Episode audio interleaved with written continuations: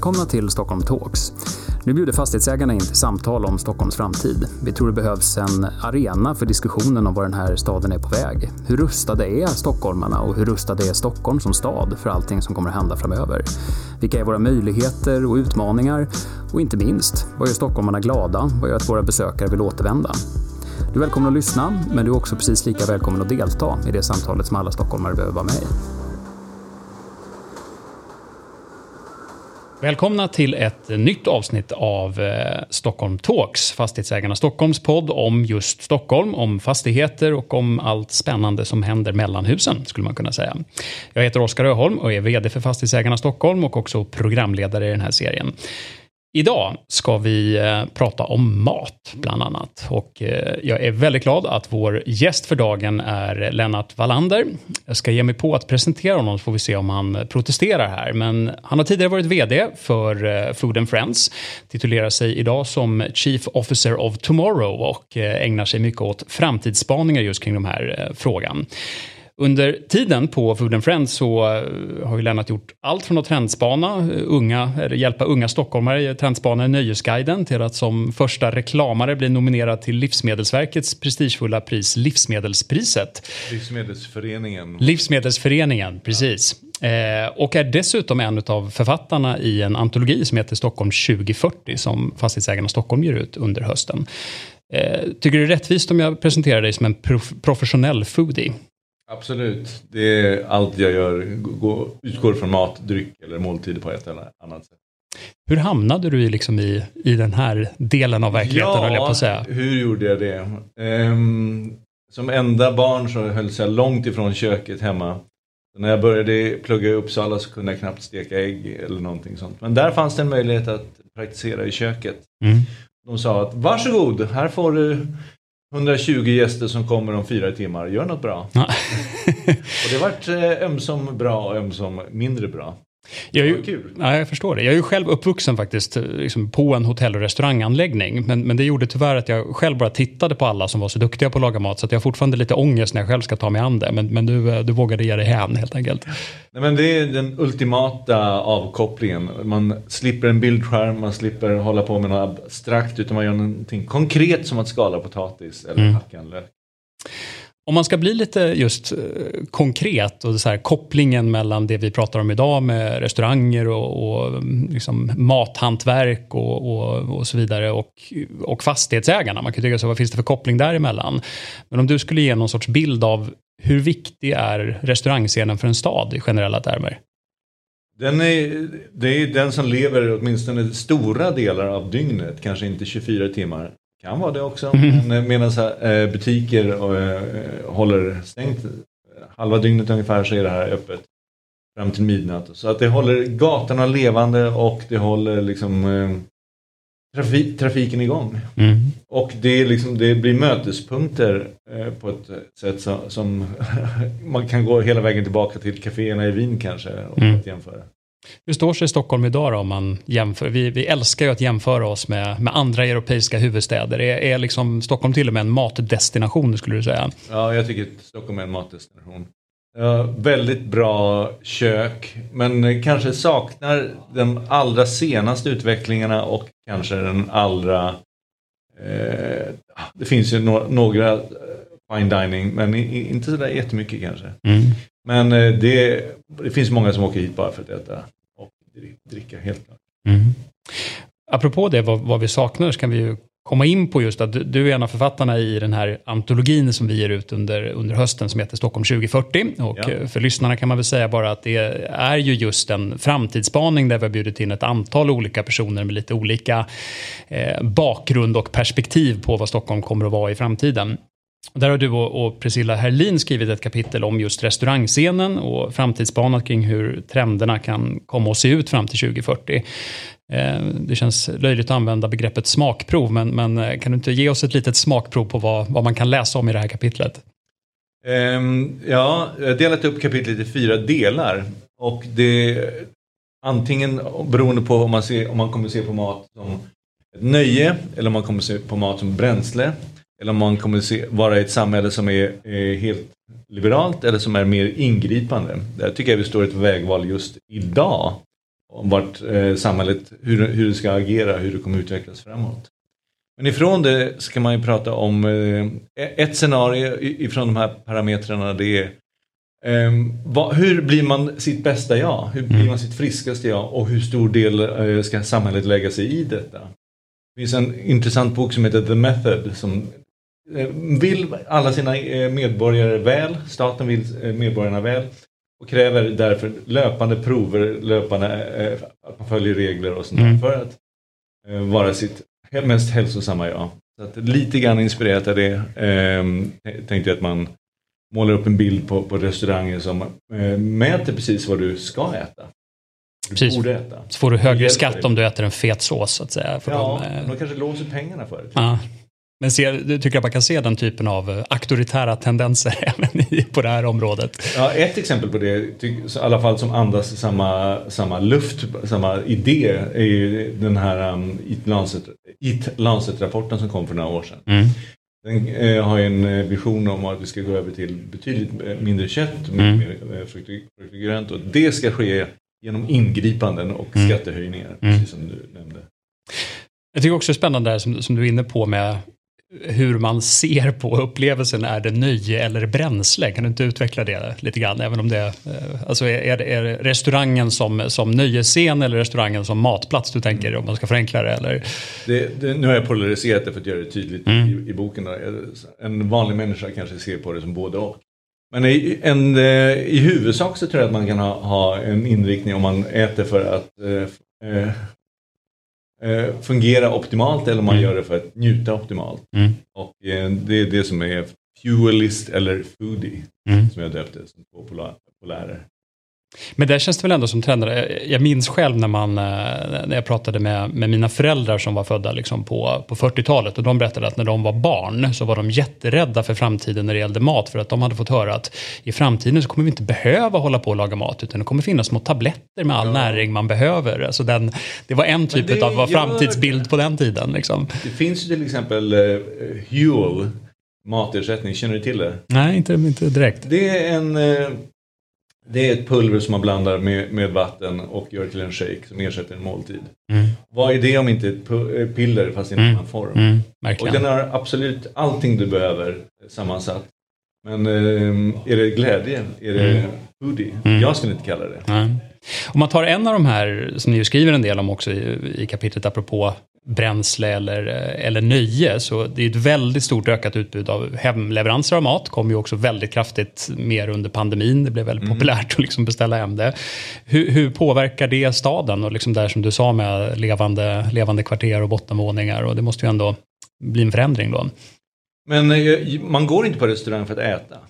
Man går på restaurang för att träffa andra människor och roa sig. Mm. Det man gör, eh, man, det gör man genom att äta. Men liksom att, att måltiden i sig, det, det kan man ju... Man, om, man bara, om det bara handlade om att bli mätt, då skulle det bara vara, vara matkassar eller, eller liksom logistiska lösningar. Så att eh, man är ute för att träffa folk och då kanske man, eh, om man, om man nu tänk, anar att du tänker på det framåt också med mindre pengar som man Mm. får under den kommande tiden kanske där. Jag tror fortfarande att man har behov av att träffa varandra men Mm. man har behov av att träffa varandra med mindre kostnader. Mm. Man har fortfarande behov av att hålla kontakten och eh, med det hålla staden igång också. På nya sätt. Om man tar just den delen, jag menar det går ju inte att öppna en, en tidning, eh, vare sig i fysiskt eller digitalt format just nu, utan att, att läsa det här att eh, nu är det tuffa tider som väntar, många kommer uppleva liksom, mindre i plånboken, dyrare priser. Eh, och analysen som många gör är just att det, det första vi kommer spara in på är restaurangbesöken, har jag läst på massor av ställen. Är, är det, men du menar kanske snarare att, ja, är det fine dining man kommer spara in på eller är det Fine dining generellt? kommer definitivt finnas kvar för det, för det finns en, en del i samhället som har det behovet, som, Mm. som har de pengarna på det sättet. Men eh, 2009, då, eh, när det var en annan kris, vår tid, tidigare kris, då slog ett nytt segment igenom i restaurangvärlden. Någonting mittemellan eh, fast food och eh, fa, eh, casual dining. Mm. Fast casual som ligger någonstans Fast casual. Mm. Vad skulle Eh, vara ett exempel på fast casual om man ska ta det så här, man känner igen sig i? Jag skulle säga Vapiano. Mm. Som, där man får köa och maten är tillagad av kockar eh, framför dig men du får själv bära den till bordet. Mm. Um, Wagamama som är lite liknande, du får beställa med en disk. Och eh, även um, Taco Bar Mm. serverar absolut på porslin men du får komma och hämta det eh, vid, vid köket. där. Allt fler går den vägen för att spara personal. Speciellt i, i tider där det är brist på personal. Men eh, det var 2009. Nu kommer en ny tid och jag tror att det kommer skapas ett nytt segment som jag i brist på annat kallar för kaféering. Mm. Det närmar sig kaféer, coffee shops. Så att eh, det blir eh, på ett annat sätt än restauranger som kanske har öppet mellan eh, 11 och 2 och sen så öppet middag igen. Öppet hela dagen. Mm. Välkommen att få in på ett litet fika, på en kopp kaffe eller en måltid eller ett glas vin. Mm. Eh, och gärna blandat och gärna klockan tre på eftermiddagen. Mm. Mer som ett café, liksom, det finns inga hinder, det finns inga barriärer för att gå in och eh, göra av med pengar. Och du kan göra av med lite eller mycket. Det låter ju lite grann som så här, det jag får i huvudet när du berättar det här är ju ja, typ eh, Urban Deli. Det är både en butik och det finns ett Ja. café och det är lite oklart var gränsen går mellan eh, restaurangen och, och affären och kaféet egentligen. Ja. Är det den typen av eh, ställen? Liksom? Eh, nu blandade jag inte, tänkte jag inte först och främst på, på butiken, men jag tycker det är ett bra exempel också. Mm. Eh, det, jag tror att restaurang, precis som det var under pandemin, så tar restaurangägarna alla chanser för att få alla intäkter. Mm. Och få in folk. Liksom. För att få in folk. Mm. Eh, och det kanske ba- bara är 40-50 spänn för en kaffe. Mm. Fine! Bättre än att det är en tom stol. Mm. Det var ju ytterligare en sån där sak som jag tycker man själv kunde märka ibland under pandemin att alla de här lapparna som ibland satt på kaféer att, eh, att vänligt försökte upplysa folk om att här ska man inte sitta och plugga eller jobba utan Nej. eh, de- Gör försvann. det. Gör det, välkommen att plugga och jobba över en kopp kaffe. Men eh, Vi designade en, eh, ett, eh, en hotellobby på Scandic Klara som ligger vid, vid eh, Hötorget. mm, Där var det just från början idén att få folk att komma dit och, sätta sig. Och det gjorde vi väldigt enkelt, liksom bara genom hur man möblerade.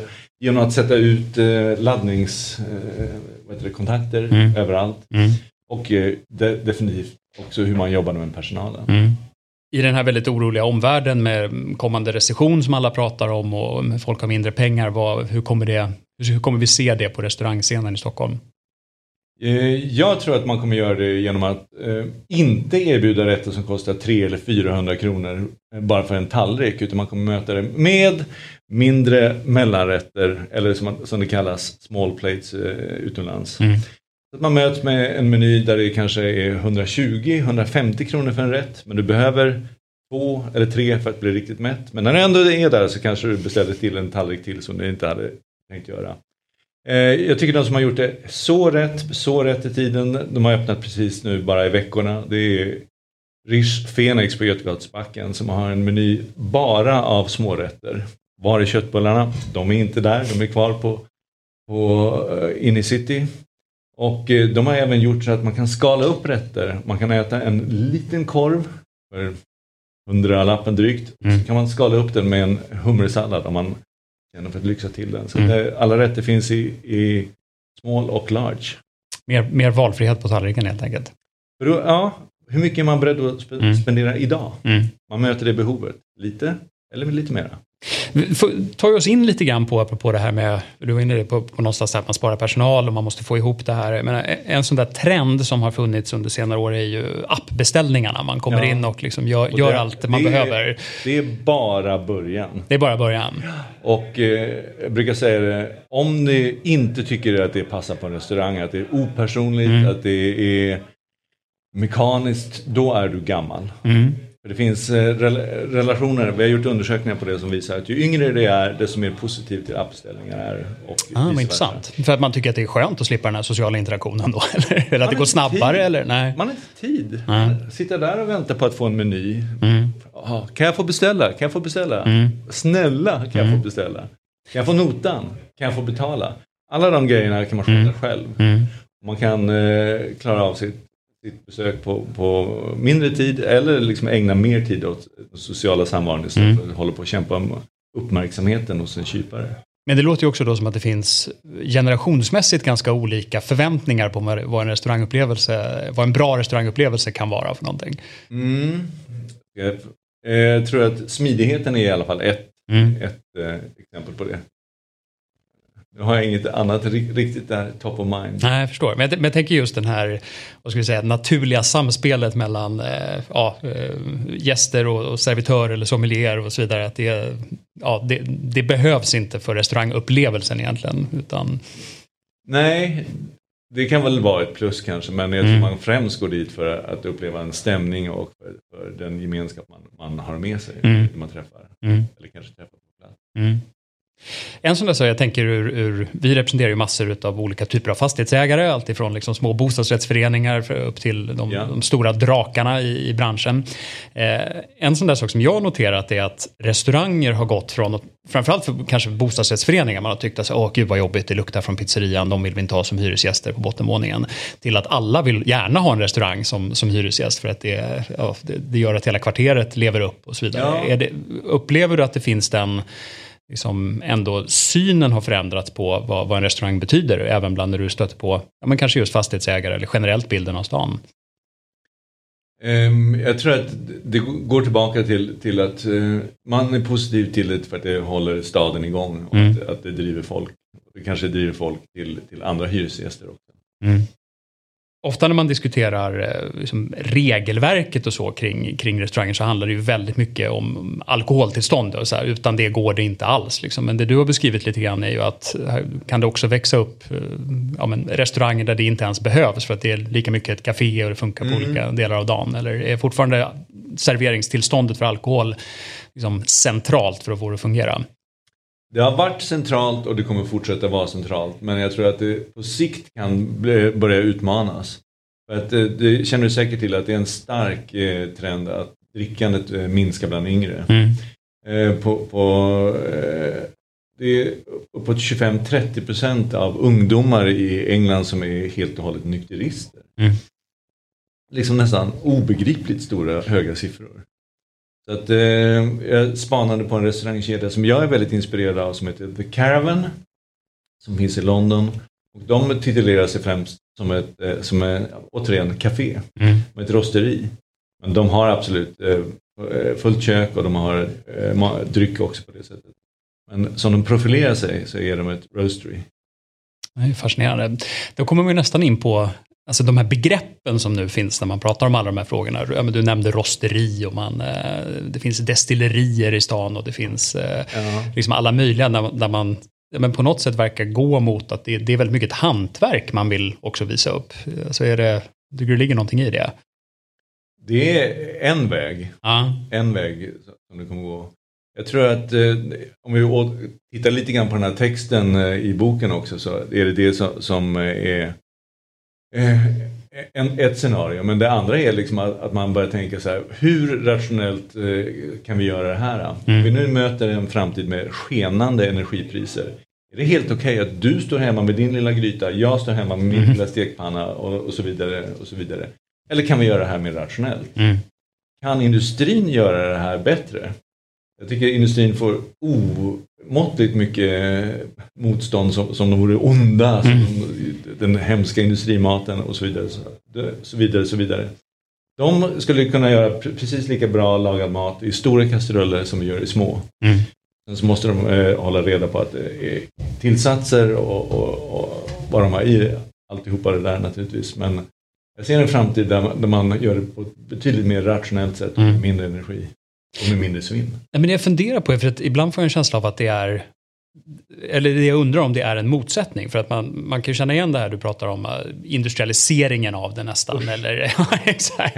Ja, nej, men säg, säg, det rationella då, liksom stordriftsfördelar och allt detta. Mm. Samtidigt så verkar det ju finnas också en trend av att, att folk nästan, man vill ha den genuina upplevelsen. Men det, det, här ska, det ska inte vara någon stor kedja utan jag vill gå till den här lilla eh, gubben eller gumman på hörnet som gör sin egen grej. Liksom. Finns, men du menar att det kanske inte ens finns någon motsättning däremellan då? Det, fin det finns eh, olika trender inom det där. Mm. Men det är liksom, jag tycker det är lite naivt att tro att det blir en bättre öl bara därför det är gjort av en, en man som har ett stort skägg. Ja, exakt. Det är liksom att man kan göra fantastiska ölsorter eller drycker vad som helst på, på stora bryggerier. Mm. För de vet vad de gör. De köper in och kan hålla en kvalitet som, eh, kvalitetskontroll som är långt ifrån vad ett litet bryggeri kan mm. göra. Mm om man tittar på restauranger så är det ju så att de små krogarna ofta kämpar med sådana funktioner som HR och, och, och olika styrsystem som en kedja kan stå mm. för på ett annat sätt. Mm. Vi vet restaurangkedjor som till exempel Bockholmsgruppen som har liksom en jour, jourhjälp. Hjälp, eh, nu har mitt skärmaskin gått sönder, då kommer det någon där på, på ett ögonblick mm. för att de har det centralt fixat. En enstaka restauratör skulle ha en större utmaning att lösa mm. problem som en kedja kan lösa på en gång. Är det någon som vill jobba i den här branschen då framöver? Nu, jag, till och med, jag, jag var på, på krogen häromsistens så berättade att vi kommer att stänga två timmar tidigare för vi har ingen personal. Liksom, och det beskrevs som att det inte på något sätt ovanligt att se. Det har ju hänt någonting under pandemin. Eh, man tycker, tycker inte man pratar om det så mycket i Sverige men det här the great resignation. Att mm. folk har haft tid att fundera över sina livsval och sådana. Det har lett till att framförallt serviceyrkena har drabbats av mm. frånfall. Jag ser att det här är, är mm, liksom en tidsfråga innan man börjar uppfatta att här finns det mycket jobb. Mm. Hit borde jag kanske utbilda mig. Mm. Att ge det ett antal, tre, fem år så tror jag att det kommer komma en våg tillbaka. Mm. Det är en framtidsyrke. Man tar de här klassiska frågorna som man ju alltid pratar om på temat så här, trender på det här området. Vad, vad har vi på tallriken om ett antal år som vi inte har idag? Eller hur ser, hur ser du på liksom innehållet i, i det? Jag tror att man har eh, kött, mm. men betydligt mindre. Eh, jag tror inte vi... Våra mätningar när vi gör årliga undersökningar så ser vi inte att man blir fler vegetarianer och, eller fler veganer, men däremot att man blir fler flexitarianer. Mm. Andelen som aldrig äter vegetariskt, vem är det? Ja, exakt. det fanns en sån grupp tidigare, mm. men den blir mindre och mindre. Så att, eh, det är absolut ett, ett eh, sånt skifte på det sättet. Eh, men sen så tror jag också att vi kommer äta betydligt mer udda saker. Vi, av de ätbara liksom, plantorna och grödorna som finns så kanske vi nyttjar 3% av kapaciteten. Vi behöver skapa odlingar som är värmeresistenta, som är, mm. eh, ger, ger bra växelbruk och sådana saker. Så jag tror kaktus Mm. Varför, Spännande. Varför det? Och det, vi har ju redan sjögräs, vi har mm. wakame, men vi kommer få det på ett helt annat sätt än vi har det nu. Och eh, varför, om man bara nöj, nöjer sig titta på det här med kött, då, varför nöjer sig med ett fåtal raser? Get, mm. kanske. Så att en större diversifiering på tallriken än vad vi haft tidigare. Mm. Och också, tror att det kommer ta sig uttryck i att det sker lite överallt eller att det också blir mer så här väldigt specialiserade typer av restauranger som man går till? Med? För det känns som att så här, alla kan få sin fix beroende på vad man är intresserad av men, men eh, det finns få gemensamma lägereldar numera. Bra fråga. Um, jag säger att um, det blir en spridning på alla olika restauranger. Mm, spännande. Var ska man, du sa så här att det finns, det finns många som kommer till Stockholm för att det faktiskt är en, en spännande restaurangscen och man kan ja. Liksom, eh, ja, få en, en bra matupplevelse. Var ska man åka i, i övrigt i Sverige eller kanske i Europa om man vill eh, se någonstans där med, så här, här är lite andra framtidsspaningar, här har man gjort någonting spännande. Har du några restips? Jag tog med ett företag till Amsterdam nu i våras. Mm. hittade många nya kul, eh, nya, spännande saker där. Men Berlin var jag i somras jag också, men man kan inte, eh, mina kollegor kommer säga att, ah, nu säger jag det igen, mm. eh, man kan inte undgå London liksom som en sån eh, port till eh, mat, världens matkultur som London är. Mm. Det är sån blandning på folk, det är väl världens mest diversifierade stad mm. tror jag. Mm. Alltså mer än de amerikanska städerna till och med. Så många olika kulturer samsas där som skapar en smältdegel av mm. intryck. Ehm, det London är definitivt ett. Att åka dit det är att åka fem år in i framtiden. Mm. Sen så är det definitivt vidare västerut till New York. Då kanske man är sju år fram i framtiden. Och sen vidare till Kalifornien så är man tio år i framtiden. Så det är att eh, som en tidsmaskin. Mm, spännande. Vi får se hur långt vi, eh, vi tar oss då på, på, på den resan de kommande åren här helt enkelt till Stockholm. Det kommer, det att ha lite tålamod. Jag tänkte, vi ska så småningom börja, börja runda av, men om man ska ge några, några sådana här, som vi har varit inne på, att, att restauranger och den här typen av matupplevelser också har stor betydelse för hur man upplever sin stad och kanske kvarteret och stadsdelen och sådär. Har du några Stockholms exempel på där, där restauranger har gjort någonting för platsen? Eh, ett exempel som är tydligt är Malmskillnadsgatan. Mm. Eh, det AMF eh, Fastigheter och Vasakronan har gjort där, det, det är väl liksom en transformation. Vad jag har hört så var det nästan omöjligt att hyra ut kontor på den gatan och nu är det en jättespännande, levande gata. Det är inte bara restaurangerna utan hur man har byggt där också mm. och vad man har gjort av Brunkebergs torg. Så att eh, jag är ofta på Brunkebergs torg och eh, äter lunch på At Six Hotel som har en fantastisk kök. Mm. Och det var ju liksom eh, kvarteret som Gud glömde tidigare. Ja, verkligen. Det där är ju också in, då kommer man in på lite grann det här vi kallar, samverkan me mellan ja, men staden i det här fallet och fastighetsägare och restaurangentreprenörer. Liksom, Upplever du att det är ett, en, en, samverkan som funkar idag eller finns det en förståelse hos Jag tror att det är någonting som är på väg ja. att, att, skapas. Det, det, absolut så har man förståelse för det men man har inte vanan inne riktigt ännu. Mm. Vem ska jag kontakta? Vem ska jag prata mm. med? Eh, Finns, finns det en eller finns det flera? Vem, vem är chef? Mm, exakt. Ungefär så. Och det är mer komplext än så. Mm. så att, eh, jag tror att det kommer att utveckla sig. Det, det, kan man se redan hur man har utvecklat oli, olika stadsdelar i andra länder. Och vi kommer ta efter det och, och göra våra egna lärdomar på det sättet. Mm. Vad kommer hända med, med um, Slakthusområdet? Exakt, det är ett spännande område som ja. exempel. Verkligen. Eh, Adam Albin har ju planer där. Mm. Vad kommer det dra med sig i sin tur? Mm. Det ska bli intressant att se var vi, eh, var vi landar. Det är ju alltid det roliga när man eh, pratar med eh, just en Chief Officer of Tomorrow. Att vi får, vi får bjuda in dig tomorrow och se vad, vad av detta som, som blev verklighet helt, helt enkelt. Jag brukar säga att alla mina förutsägelser slår in men kanske inte under min livstid. Nej, exakt. Nej. Men du, en sista fråga då. Om du framtidens matstad i, i Stockholm. Vad, vad, vad kommer vi vara, vara bäst på? Vad kommer man komma hit och titta på eh, i, ja, om tio år? Eller 2040 om vi nu tar eh, boken med framtidsspaningarna som exempel. Jag tror man kommer göra ännu mer eh, nytta. Man kommer liksom göra ännu större fokus på, på renhet. Mm. Att vi kommer ha, ha koll på hur man odlar utan onödiga tillsatser på det sättet. Mm. Och kommer ha väldigt, väldigt rena råvaror och tillagningar på det sättet. Och som en liten eh, prov, ett test på det så tycker jag man skulle kunna ta sig till restaurang Brutalisten som ligger på Regeringsgatan. Som har en brutalistisk meny. I den första kolumnen så är det bara råvaror. Mm. I den andra kolumnen som är lite mer liberal så får man tillsätta salt och vatten. Intressant. Ja. I den tredje kolumnen som är lite mer laissez-faire så kan man till och med tillaga maten. Men i den första kolumnen så har jag ätit en majrova som var bara en majrova på is. Mm. Inte tillagad på något annat sätt än så. Mycket spännande. Och där fick vi även ett eh, restaurangtips inför helgen helt enkelt. Boka snabbt. Ja, vi får göra det. Lennart Wallander, stort tack för att du ville vara med i Stockholm Talks och prata om de här frågorna idag. Tack för att jag fick komma.